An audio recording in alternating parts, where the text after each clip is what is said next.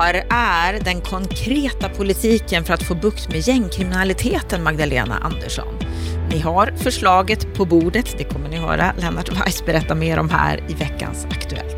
Det är ett för högt tonläge och för många missförstånd när det gäller ombildningar i Göteborg. Och att Filipstad driver bostäder för att få bukt med social dumpning, det visar att vi har ett stort nationellt problem som kommunerna själva inte kan lösa. Den nya åtgärdskommissionen som vi fick höra om nu i veckan för att få bukt med byggfusket, den åtgärdskommissionen har ett jobb att göra. Sanningens minut är här. Varmt välkommen till veckans Aktuellt från Bopolpodden och bostadspolitik.se. Jag heter Anna Bellman.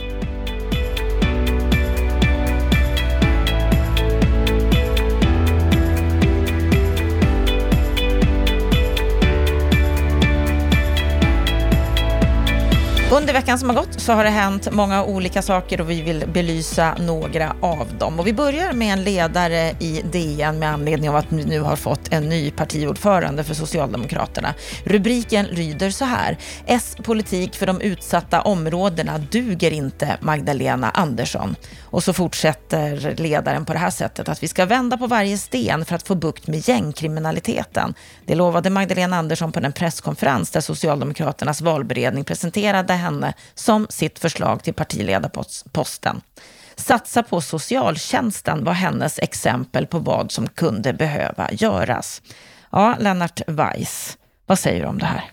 Ja, jag tycker att det är bra att eh, det sker en balansering av hela den här debatten. Den handlar väldigt mycket om poliser och inlåsning just nu. Inte för att det är fel. Eh, gängen, eh, framförallt de drivande krafterna, de ska naturligtvis låsas in. Men det är också viktigt att se frågan i sitt större sammanhang. Det är så att vi har i 30-40 års tid totalt underskattat den, den, den, den formidabla tryckkokare som delar utav förorten utgör. Där den sociala segregationen har fått utvecklas och där man egentligen har mött det hela på det sätt som DN skriver med kortsiktiga projekt, duttande, symboliska satsningar. Det måste till åtgärder som i grunden förändrar samhällsstrukturer. Och eftersom man adresserar det här till Magdalena Andersson, S-kongressen pågår just nu, Magda ska hålla sitt eh, linjetal idag, så vill jag bara påminna om att eh, i den socialdemokratiska expertgruppen som levererade sina förslag i juni 2018 så handlar förslag 14 om precis detta. Om att vända utvecklingen genom att arbeta parallellt på flera olika plan och uthålligt. Och det program vi la tror jag hade kunnat, eh, vi, vi satte upp ett mål att på tio år ska den sociala segregationen brytas och de osunda samhällsstrukturerna förändras i grunden. Det finns ett färdigt förslag till det. Jag skulle säga, läs det, verkställ det hela och de som själva är nyfikna på vad jag talar om kan gå in på antingen bostadspolitik.se och, och leta upp rapporten eller på Socialdemokraternas hemsida den här debatten kommer att följa oss i flera år framåt. Vi kommer få anledning att återkomma till det här, Anna. Mm, det kommer vi definitivt att göra, för det är ett otroligt stort samhällsproblem. Och det ledaren avslutar med här nu, det är det som ifrågasätta vad den konkreta politiken är. Men själva ledaren avslutas med, för att knäcka gängkriminaliteten så krävs konkret och långsiktig politik när det gäller de utsatta områdena. Och det måste Magdalena Andersson leverera när hon tar över ledarskapet. Vi ska gå vidare till Göteborg, där det har varit en debatt om ombildningar under en lång tid. Och nu har det kommit ett ilska, en ilska mot beslutet att fler hyresrätter ska ombildas i Göteborg. Det är Hem och Hyra som skriver om det här 29 oktober. Fler kommunala hyresrätter ska alltså ombildas till bostadsrätter i Göteborg. Med 38 röster mot 26 så röstades Alliansens förslag igenom i kommunfullmäktige på torsdagskvällen och SD var de som la ner sina röster och det fällde det här avgörandet. Vad är det som är så känsligt med detta, Lennart? Ja du, eh, det här är ju en debatt där man på något vis pratar förbi varandra och där det blir väldigt mycket missförstånd.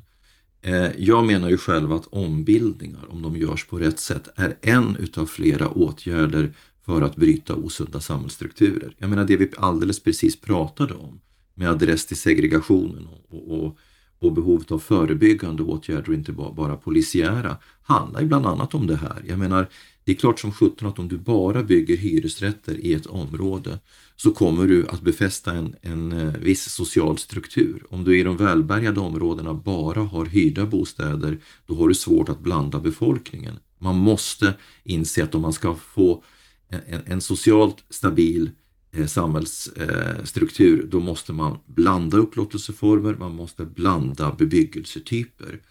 Och det gäller i Göteborg likväl som i Stockholm. Så att om man gör ombildningar på rätt sätt, då gagnar det ett större, ett högre eh, politiskt syfte. Men det är precis det här det handlar om. Hur gör man? Jag kan förstå kritiken mot att så att säga ombilda i de attraktiva delarna av Göteborg, som till exempel eh, Haga. Vilket socialpolitiskt syfte eh, fyller det? Det är svårt att förstå.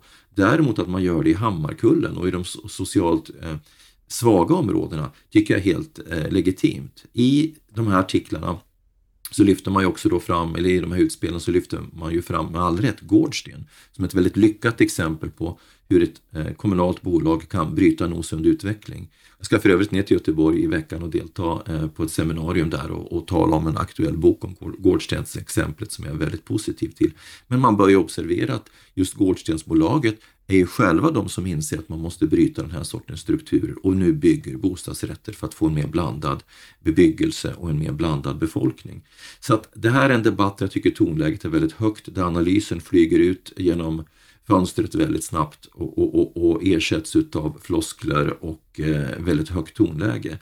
Vi behöver en sansad diskussion om de här sakerna. Ska man bryta en osund utveckling så måste man förändra olika typer av samhällsstrukturer och en av dem rör hur våra eh, lokalsamhällen är byggda och, och eh, blandningen av hyresrätter, bostadsrätter och så vidare. Så att eh, laddningen är skapad utav politik och intressegrupper som inte riktigt vill se helheten. Mm, vi kan bland annat läsa att eh, Ronny Bengtsson som är från Hyresgästföreningen i västra Sverige, han är kamplysten och menar att göteborgarna är förlorare, hyresgästerna är förlorare och alla med låga inkomster är förlorare och nu vill man ta fighten under valrörelsen. Har han helt fel? Jag tycker att han överdriver något alldeles groteskt därför att han vet ju själv från Hyresgästföreningens egna mätningar att en väldigt stor andel av hans egna medlemmar inte vill annat än att flytta till ett ägt boende. Han vet också att eh, Hyresgästföreningen som intresseorganisation står för tanken om blandade upplåtelseformer och en rörlighet att människor ska kunna röra sig mellan, mellan hyrt och ägt så att säga. Va? Så att eh, jag tycker att man förenklar och, och tar till storsläggan alldeles onödan och man gör det egentligen mot bättre vetande. Vi behöver hyresrätter, vi behöver ägda bostäder, vi behöver blandning. Och vi, vi, vi behöver göra det möjligt för människor att eh, välja den boendeform som de önskar under livets olika skeden. Så att eh, jag tycker att det är en tråkig debattton som egentligen bara fyller Eh, Eh, jag menar, det, det, det, det, speglar ett väldigt polariserat politiskt klimat i Göteborg, där också vi vet att eh, politiska vänstergrupper sätter en väldigt stark prägel på debatten. Vi ska gå vidare och vi ska gå vidare till mäklarbranschen. Det är Mäklarsamfundet som lyfter upp en nationell riskbedömning, att det finns en betydande risk att fastighetsmäklarsektorn utnyttjas för penningtvätt. Det är nämligen så att varje år så upprättas det en nationell riskbedömning med syfte just att identifiera, förstå, värdera utmaningarna med penningtvätt och finansiering av terrorism i Sverige. Och 2021 års riskbedömning fokuserar på branscher och sektorer där just fastighetsmäklarbranschen är en av branscherna som bedöms. Vad säger du om det här, att just fastighetsmäklarsektorn utnyttjas för penningtvätt och finansiering av terrorism? Att den är betydande, den risken? Jag kan inte bedöma hur betydande den är, men det är bra att det uppmärksammas och, och, och vi hade ju också ett par fall helt nyligen där ett par mäklare uteslöts ur Mäklarsamfundet därför att man hade förmedlat lägenheten, lägenheter till, till uppenbart kriminella element. Ett exempel som tas upp här är att till exempel eh, svarta pengar tvättas vita genom att man eh, att man tecknar ett, ett kontrakt, ett köpekontrakt, erlägger en, en eh, kontantbeloppet och sen kliver man av. Och sen begär man att pengarna skickas tillbaka till ett annat konto. Alltså man är ganska fiffiga på olika konstruktioner för att helt enkelt flytta pengar från en sektor till en annan. På Veidekke har vi själva varit med om att eh, människor har dykt upp på lägenhetsvisningar och sagt att den här bostaden vill jag ha. Och så har de så att säga kontantpengen i eh, kontantbeloppet i, i en Konsumkasse. Och så säger man att här är betalningen vilket vi ju naturligtvis aldrig har sagt ja till. Ehm, jag tycker det här är bra att det uppmärksammas och mäklarna är naturligtvis också en del av ett sånt här större mönster. Alla som hanterar eh, pengar, finansiella tillgångar, är föremål för, för de här gruppernas intresse och självklart måste mäklarna vara observanta och hålla en hög yrkesetik. Vi ska vidare till Filipstad. Det är Dagens Samhälle som tar upp att Filipstad hellre river än utsätts för social dumpning. De har fått nog av rika Stockholmskommuner, står det här i artikeln, som placerar socialt utsatta i Filipstad. Och så tar man nu bokstavligen till med släggan för att hejda dumpningen. Vad är det det här handlar om? Att de river bostäder? Ja, alltså eh, det som artikeln belyser det är ju eh, eh, ett fenomen som många landsortskommuner har vittnat om länge. Man gick därför fram till Lena Micko som, till, som bad Statskontoret analysera saken och Statskontorets kartläggning visade att av undersökta 191 kommuner så uppgav 63 procent, det är ju en bra bit över 100 kommuner, att eh, man har varit utsatta för det här fenomenet. Att alltså storstadskommuner eh, anvisar de här bostäderna framförallt då till migranter som efter två år då inte längre har eh, rätt att, att, att uppbära bostadsstöd från den egna hemkommunen. Och så flyttar man helt enkelt dit personer och ger dem eh, Eh, betalt för hyran ett par, tre månader. Och på det sättet så har man placerat problemet i en annan kommun. Och det är naturligtvis eh, bara ett sätt att flytta problemen mellan sig. Det som sen hände det var alltså att länsstyrelserna har fått ett uppdrag att initiera samverkan mellan kommunerna. Det vill säga att kommunerna ska prata med varandra. Och artikeln konstaterar ju att det där är i praktiken ett slag i luften. Det får ingen effekt. Ja, vi är tillbaka Anna till, till den grundläggande problematiken. Människor som lever i ett utanförskap behöver två saker. De behöver tak över huvudet och ett arbete. Man söker sig till storstäderna därför att där finns arbete men det finns inga bostäder. När de då inte har några bostäder, vad händer då? Då hamnar de i hemlöshet, de hamnar i svartarbete, de blir utnyttjade och de som inte klarar av att ta sig ens in i den sektorn, de, de skickar man iväg till Filipstad. Då. Det här visar ju bara att på den kommunala nivån så kan vi inte lösa det här. Det, här, det krävs en helt annan typ av insatser och vi har ju pratat om det här problemet många gånger i veckans Aktuellt det är sannolikt så att vi har ungefär 100 000 människor som lever i ett bostadssocialt utanförskap. Du, du ska ju veta det att de som är registrerat hemlösa, 33 000, det är ju sådana som har gått till socialförvaltningen och berättat att jag har ingen bostad. Men du har sannolikt tiotusentals till, 10, 20, 30 000 som också lever under samma villkor men som inte har anmält problemet och sen har du ungefär 35 000 sociala kontrakt. Detta måste vi göra någonting åt och det kräver någon typ av nationella insatser. Det ska bli jättespännande att se vad den bostadssociala utredningen kommer till efter årsskiftet, men någonting måste ske på nationell nivå. För så här kan det inte fortsätta, att vi kastar problemet mellan oss som en het potatis. Vi eh, går vidare när det gäller våra hyror, våra andrahandshyror och då ser vi att Uppsala och Västerås är de städer där just andrahandshyran har höjts mest sedan i januari. Det här visar blocket Bostads senaste hyresrapport som Fastighetstidningen skriver om. Ja, det är alltså lägenhetshyror på andrahandsmarknaden som stiger i åtta av Sveriges tio största städer enligt den här rapporten. Och Uppsala de är i topp med 22 procent, Västerås upp 20 procent. Är det här alarmerande? Jag vet inte det. Låt oss se. Jag tycker att eh, det är bra att den här typen av, eh, av statistik kommer fram. Vad man kan se när man läser den det är att de, de, den största ökningen av andrahandshyrorna är i ett antal universitetsorter och framförallt på ettor. Då kan man ju misstänka att det här är en efterpandemieffekt. Det vill säga nu kommer studenterna tillbaka till studierna och då, då, då vet vi att den här tillfälliga problematiken kring brist på studentbostäder gör sig gällande. Men vi vet ju också att efter några månader så jämnar det där ut sig och så finns det faktiskt lediga studentbostäder på vårkanten. Så jag tror att det är en tillfällig effekt. Men det är bra att statistiken kommer fram och så får man följa den fortlöpande. Just nu är det svårt att kommentera mer än så. Mm. Det vi också kan säga är att i Stockholm så har hyran stigit med 4,8 procent, men den har legat helt stilla i Göteborg som jämförelser. Vi ska gå vidare till eh, strandskyddet som ju är en het potatis som diskuteras med jämna mellanrum och nu i DN en debatt så är det Jan Molde som är tidigare statlig expert som menar att förslaget att alla länsstyrelser ska kunna upphäva strandskyddet kan få allvarliga konsekvenser. Längs kuster och i skärgårdar så behövs det däremot ett stärkt strandskydd. Och nu måste förhandlingarna om budgeten mellan regeringen och Centerpartiet avvisa förslaget från strandskyddsutredningen om att reglerna ska vara de samma i hela landet. Vad säger du om det här Lennart? Jag delar hans uppfattning att det är absurt att vi ska ha samma regler i hela landet därför att situationen ser helt annorlunda ut i Norrlands inland och i delar utav våra skärgårdar. Jag menar, vi som vistas ute i skärgården då och då kan ju notera att delar av skärgården är ju nästan obebyggd och andra är ganska hårt exploaterat. Så jag kan tycka att man skulle behöva lite olika glasögon på nästippen även där.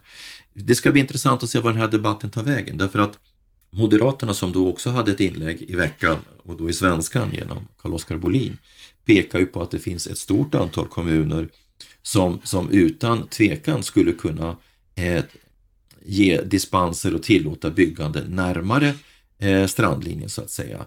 Eh, och jag tycker att Karl-Oskar är inne på en riktig tanke här.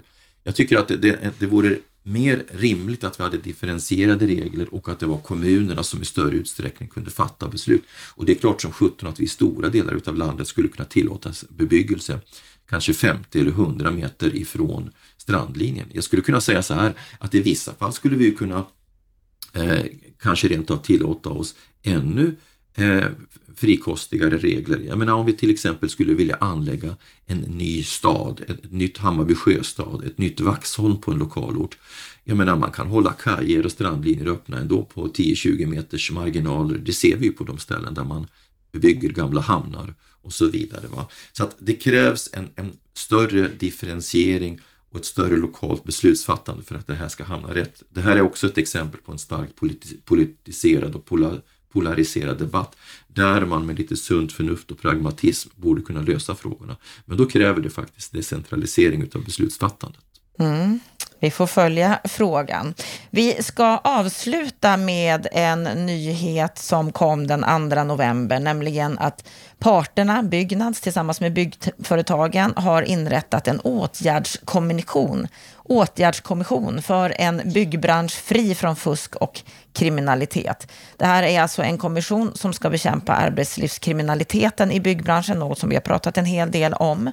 Och uppgifterna är bland annat att ta fram en åtgärdsplan för hur kontrollerna av alla lagar och avtal följs och hur de kan bli fler och effektivare. Ett arbete som ska påbörjas senast 1 december och vara klart senast 30 juni nästa år, 2022. Vad säger du om det här initiativet om en åtgärdskommission, Lennart?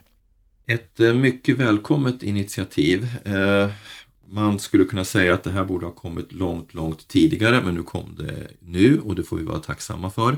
Och det skulle jag ju säga är en direkt effekt av att nuläget eh, på, på byggmarknaden är eh, sedan några veckor och månader tillbaka helt odiskutabelt och inte minst efter det att Byggmarknadskommissionens nulägesanalys presenterades i mitten av september. Som ju visade att Eh, Eh, minst 80 procent utav de utländska bolagen som verkar i Sverige, men också ett stort antal svenska bolag, fuskar systematiskt med löner, skatter och sociala avgifter. Varför kom det här nu? Jo, därför att Byggnads hade, det finns en klausul i byggavtalet som gav Byggnads möjligheter att säga upp eh, föreliggande avtal för eh, månadsskiftet. Och då hotade man att göra det om inte parterna gemensamt skulle ta itu med, det här, med den här frågan och, och sätta igång ett strukturerat arbete. Så att det är Byggnads som har tvingat fram åtgärdskommissionen och i den meningen är det en framgång för dem. Men jag skulle säga att det är en framgång för båda. Därför att här har båda ett intresse av att det vidtas åtgärder.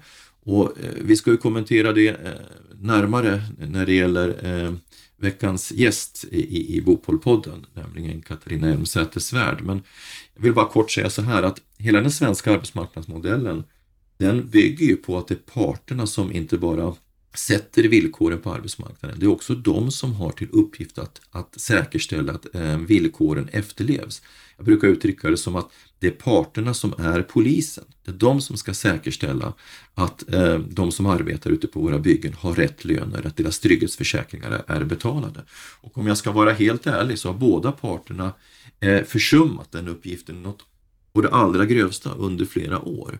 Och vi har ju dessutom haft exempel på förnekelse från inte minst från Sveriges byggindustrier tidigare. Dessbättre har det börjat mildras under senare tid, men det är inte särskilt länge sedan jag hörde ledande företrädare från byggföretagen säga att det här problemet är grovt överdrivet och man hittar ingenting när man är ute och gör arbetsplatsinspektioner. Nej, tacka fan för det. Med identitetskontroller så ser du ju inte om företagen fuskar systematiskt med löner, skatter och sociala avgifter. Du ser om de har rätt identitet. Så att det är bra att det här kommer till och jag skulle säga så här, nu är sanningens minut här. Nu är det dags för både byggnads och byggföretagen att visa att de på allvar är beredda att ta itu med, de här, med den här frågan.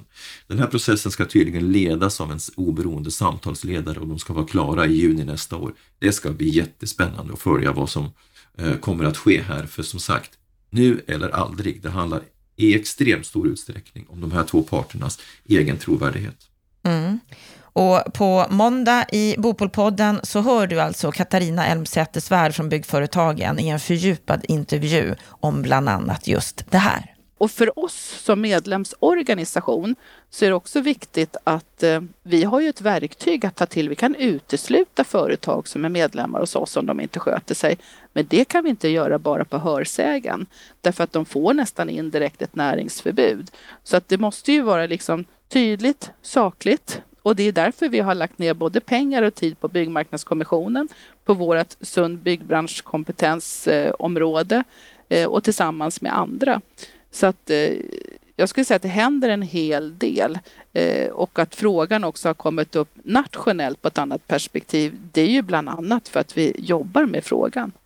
Ja, Katarina Elmsäter Svärd hör du i Bopolpodden på måndag. Vi ska avsluta veckans Aktuellt med en rättelse. För i måndagens Bopolpodden så sände vi ett program där du, Lennart Weiss och Stefan Attefall analyserade de olika partierna och hur de står inom bostadspolitiken nu när vi går in i ett valår. Men det var en kommentar om Sverigedemokraterna som blev fel. Ja, vi slarvade med researchen. Vi påstod att eh, Sverigedemokraterna på fem år vill avskaffa avdragsrätten för skuldräntor. Där hade vi fel. Eh, rätt ska vara att eh, man föreslår att avdragsrätten för skuldräntor minskar med en procent per enhet per år i fem år. Man vill alltså minska den från 30 procent till 25 procent. Rätt ska vara rätt. Vi slarvade med researchen och ber om ursäkt för det. Men nu vet vi i varje fall vad Sverigedemokraterna står för egentligen. Och vi kommer att fortsätta följa de olika partierna, olika utspel under året som kommer. Vi har ett spännande, hoppas vi, valår framför oss. Med eh, detta så avslutar vi veckans Aktuellt för denna mycket intensiva höstlovsvecka. Mycket som har hänt, mycket som det har snackats om. Och så önskar vi dig en riktigt trevlig helg.